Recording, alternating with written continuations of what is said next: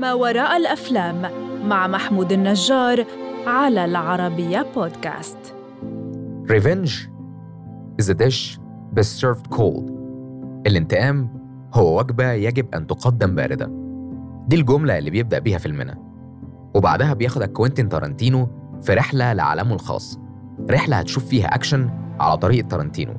وخليني أقول لك إنها مش طريقة تقليدية أبداً.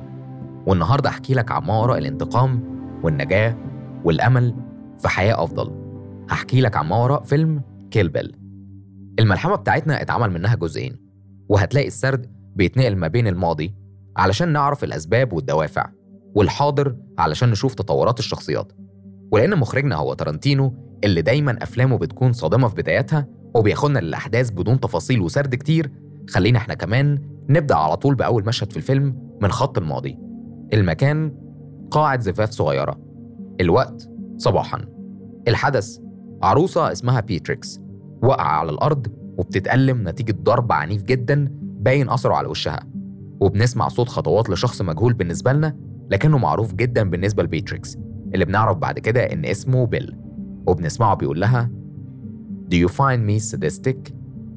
وبنعرف إن بيتريكس حامل في بنت والبنت دي تبقى بنتها لكنه مش بيسمعها وبيضرب رصاصة في دماغها. وبنشوف بتموت قدام عينينا ومن هنا بيبدأ الفيلم. في المشهد التاني بنروح للحاضر وبنكتشف إن بيتريكس لسه ما ماتتش وإنها بدأت رحلتها في الانتقام من العصابة اللي قتلت كل اللي موجودين في القاعة واللي هي كانت جزء منهم لكنها قررت الانفصال علشان تبدأ حياة جديدة مع بنتها. حياة خالية من الموت اللي ظنوا إنه كان نصيبها بعد المذبحة لكنهم بالطبع كانوا غلطانين. بتروح بيتريكس عند أول شخصية في القايمة بتاعتها وأول ما بتشوف بيتريكس بيبدأ بينهم قتال عنيف جدا. وقبل ما يبدأوا بيستخدموا السكاكين بنشوف طفلة صغيرة راجعة من المدرسة وبنعرف إنها بنت الست دي. ومن هنا بنلاقي بيتريكس بتوقف كل حاجة وبنشوف البنت مصدومة من شكلهم ومن التكسير والخراب اللي حصل لبيتهم. بتطلع البنت لأوضتها وبيتفقوا هم على هدنة مؤقتة. بنعرف فيها لقب بيتريكس وهو الأفعى السوداء Black Mamba وبنتعرف على فينيتا جرين أو الرأس النحاسي. اللي كانت عضوة مع بيتريكس في العصابة. وبعد محاولة فاشلة من فينيتا جرين لقتل بيتريكس بالمسدس بتقتلها بيتريكس بالسكينة بتاعتها وبتسيبها جثة هامدة قدام بنتها. وبعدها بياخدنا تارانتينو للماضي مرة تانية علشان نشوف إيلي درايفر عضوة تانية في العصابة اللي بنعرف إن اسمها عصابة الأفاعي القاتلة.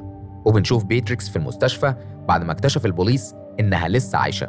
وهنا بتدور إيلي درايفر بتحاول تحقن بيتريكس بالسم. لكن بيجي لها مكالمة من بيل زعيم العصابة علشان يقول لها تنهي العملية لأن من العار قتل واحدة بدون مواجهتها. بتستمر بيتريكس في الغيبوبة لمدة أربع سنين وبعدها بتفوق وهي فاكرة كل حاجة وبنشوفها بتنهار بعد ما اكتشفت إنها فقدت بنتها. شوية وبنسمع صوت حد داخل أوضتها فبتتظاهر إنها لسه في الغيبوبة وبتلاقي الممرض باك ومعاه واحد داخلين الأوضة وبتكتشف إنه بيجيب ناس علشان يعتدوا عليها مقابل الفلوس.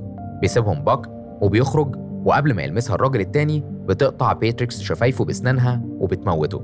وبعدها بتتحرك بصعوبة جدا لأن رجليها فيها تيبس نتيجة أربع سنين غيبوبة. بيرجع باك وبتقدر بيتريكس تقطع أوتار رجله بسكينة وبتوقعه على الأرض وبتفضل تعذبه علشان تعرف مكان بيل. لحد ما بتفتكر إن باك اعتدى عليها بشكل مهين وهي فاقدة الوعي. فبتقتله وبتاخد مفاتيح عربيته ونضارته. وبتتحرك على كرسي لحد ما بتوصل لعربية باك. وبتركبها. وبتفضل تحاول تحرك رجليها وهي جوه العربية لمدة 13 ساعة. بتفتكر فيهم أفراد العصابة وبالأخص أوران إيشي اليابانية الأمريكية اللي بنشوف قصتها تحولت لقاتلة ومجرمة ثم زعيمة لأكبر عصابة في اليابان. بتتعرض قدامنا على طريقة ال animation واللي أنصحك جدا تتفرج عليه. بتطير بيتريكس على اليابان علشان تقابل هاتوري هانزو صانع السيوف الياباني. واللي بتحاول إنها تقنعه يديلها سيف ساموراي من السيوف النادرة اللي بيصنعها. وبالفعل بيديها السيف وبتاخده وبعدها بتروح طوكيو علشان تقتل الضحية التانية وهي أوران. وهنا خلينا ناخد نفسنا شوية.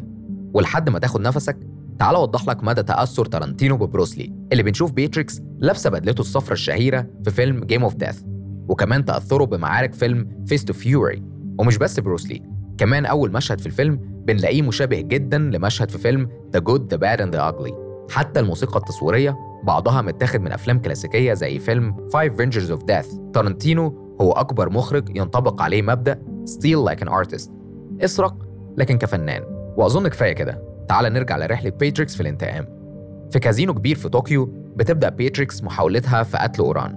علشان توصل لها اضطرت تقتل أفراد كتير جدا من عصابتها. منهم هم أفراد العصابة دي. وهنا بنوصل للمعركة الأخيرة في الجزء الأول اللي بنشوف فيه قتال ملحمي بين بيتريكس وأوران. بينتهي بموت أوران وبينتهي الجزء الأول بمشهد لأحد أفراد العصابة اسمه باد بيكلم إيلي اللي حاولت تقتل بيتريكس بالسم قبل كده وبيقول لها إنهم يستاهلوا الموت بعد اللي عملوه في بيتريكس. وبعد كده بينتهي الجزء الأول ويلا بينا ندخل على الجزء الثاني ولو هنحط عنوان وملخص للجزء الثاني فهو From a murderer to a mother من قاتلة مأجورة إلى أم. لأننا بنشوف وبندرك تحول بيتريكس من قاتلة محترفة بتجمع ملايين الدولارات من قتل الناس لأم مستعدة تضحي بأي حاجة علشان توفر حياة الأمان لبنتها. في الجزء الثاني وقبل ما تروح بيتريكس للاسم اللي عليه الدور في قائمتها بنرجع لليوم اللي حصلت فيه المجزرة. وبنشوف بيل بيروح لبيتريكس قبل زفافها وبنكتشف إن في بينهم مشاعر وبتعرفه على خطيبها وبتقدم له بيل على إنه أبوها. علشان بعد كده تبدأ المجزرة اللي كلنا عارفين نهايتها كانت إيه. بتروح بيتريكس لباد علشان تكمل رحلتها في الانتقام. لكنه بيقدر يخدرها وياخد منها سيفها المميز وبيدفنها وهي حية. وهنا بنشوف مشهد صعب جدا في محاولة خروج بيتريكس من التابوت المدفون تحت الأرض وعلشان تخرج منه بتفتكر الأسلوب اللي اتعلمته من المعلم الياباني باي ماي واللي بيمكن المحارب إنه يطلع قوة انفجارية من قبضة إيده في مسافة أقل من واحد إنش وبالفعل بتستخدمه وبتقدر تطلع من التابوت وتنجو من الموت للمرة التانية. وبترجع تاني لباد اللي بتلاقيه اتقتل على ايد صاحبة العين الواحدة ايلي درايفر وبتروح لها بيتريكس علشان تاخد سيفها وتخلص عليها. وبالفعل بتاخده بعد ما بتقرر ما تقتلش ايلي لكنها بتسيبها للعذاب الأبدي لأنها هتكمل حياتها من غير العين اللي كانت فضلها وبعدها بتروح بيتريكس لبيت بيل علشان تلاقي بنتها في استقبالها بمسدس مية.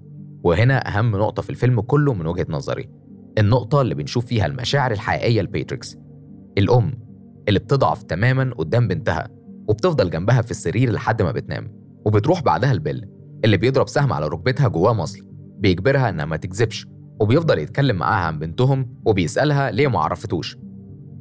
وبتقول له إن ده كان القرار الصح علشان تربيها في أمان وبينفعل بيل وبيسحب سيفه علشان يقتل بيتريكس لكنها بتقدر تضربه ضربة النقاط الخمسة القاتلة اللي بتتسبب في موت الشخص اللي بيتضرب بيها بمجرد ما يمشي خمس خطوات. وهنا بيل بيعرف إنها الوحيدة اللي قدرت تتعلم الضربة دي من المعلم الياباني باي ماي وبيقوم يقف ويعدل هدومه بكل اعتزاز بالنفس بعد ما بيقول لبيتريكس إنها أجمل واحدة عرفها في حياته. وبيمشي الخمس خطوات وبيموت. وبعد كده تكون انتهت ملحمة مقاتلة الساموراي بيتريكس كيدو اللي نفذت انتقامها وأخدت بنتها علشان يعيشوا في سلام. فيلم كيل بيل كتير بيعتبروه من علامات تارانتينو في السينما واللي قال بالحرف إنه بذل مجهود كبير جدا علشان يقدم فيه أكشن ملحمي ودايما بيتساءل على إمكانية عمل جزء ثالث اتفرج على كيل بيل وشارك معانا رأيك. هل تحب يكون في جزء ثالث منه ولا لأ؟ واستناني الحلقة اللي جاية. أنا محمود النجار في بودكاست ما وراء الأفلام المقدم من العربية بودكاست علشان نشوف فيلم جديد بمنظور مختلف. منظور ما وراء الأفلام.